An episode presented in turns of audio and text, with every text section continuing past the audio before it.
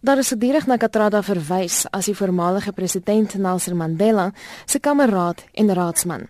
Hy was 'n stryder teen die destydse apartheidsregering en het gevolglik 26 jaar in gevangenis deurgebring. 18 hiervan was op Robben Island en die res het hy uitgedien in die Paulsmoor gevangenis saam met Nelson Mandela, Walter Sisulu en Raymond Mhlaba. From the day one of our arrest, uh, there was this period of 90 days when we couldn't see lawyers or anything. And uh, when we saw the lawyers after three months, they indicated to us prepare for the worst. And when we met as a group, Madiba and Comrade Susulu and the, our leadership made it clear to us that we should fight this case as a political case, not as a criminal trial. In other words, we don't apologize.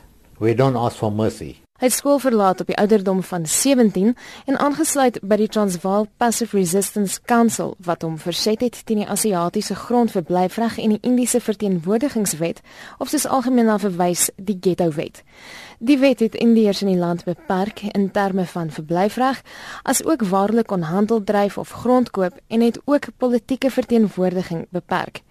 Katrada het in aanraking gekom met Mandela toe die Indiese en Afrika kongresse op die been gebring is.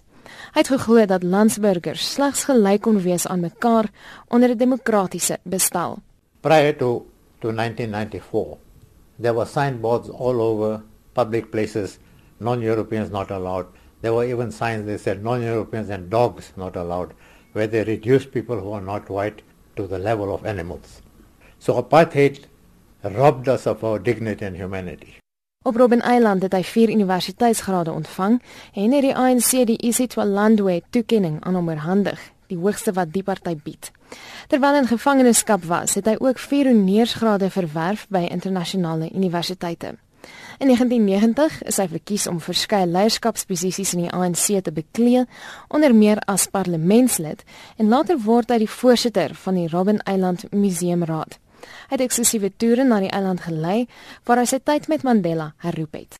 Mr Mandela and African prisoners when we landed there had to wear short trousers. I was given long trousers because I'm an Indian. In the morning we had the same food, but I got more sugar than Mandela, but less than Dennis Goldberg. He was white and the whites were not. I got a quarter loaf of bread every day. Mandela got no bread for 10 years because he was an African.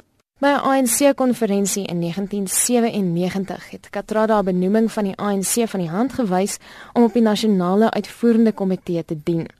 Twee jaar later het hy uit die politiek getree en in 2004 was hy 46ste op 'n lys van die top 100 Suid-Afrikaners.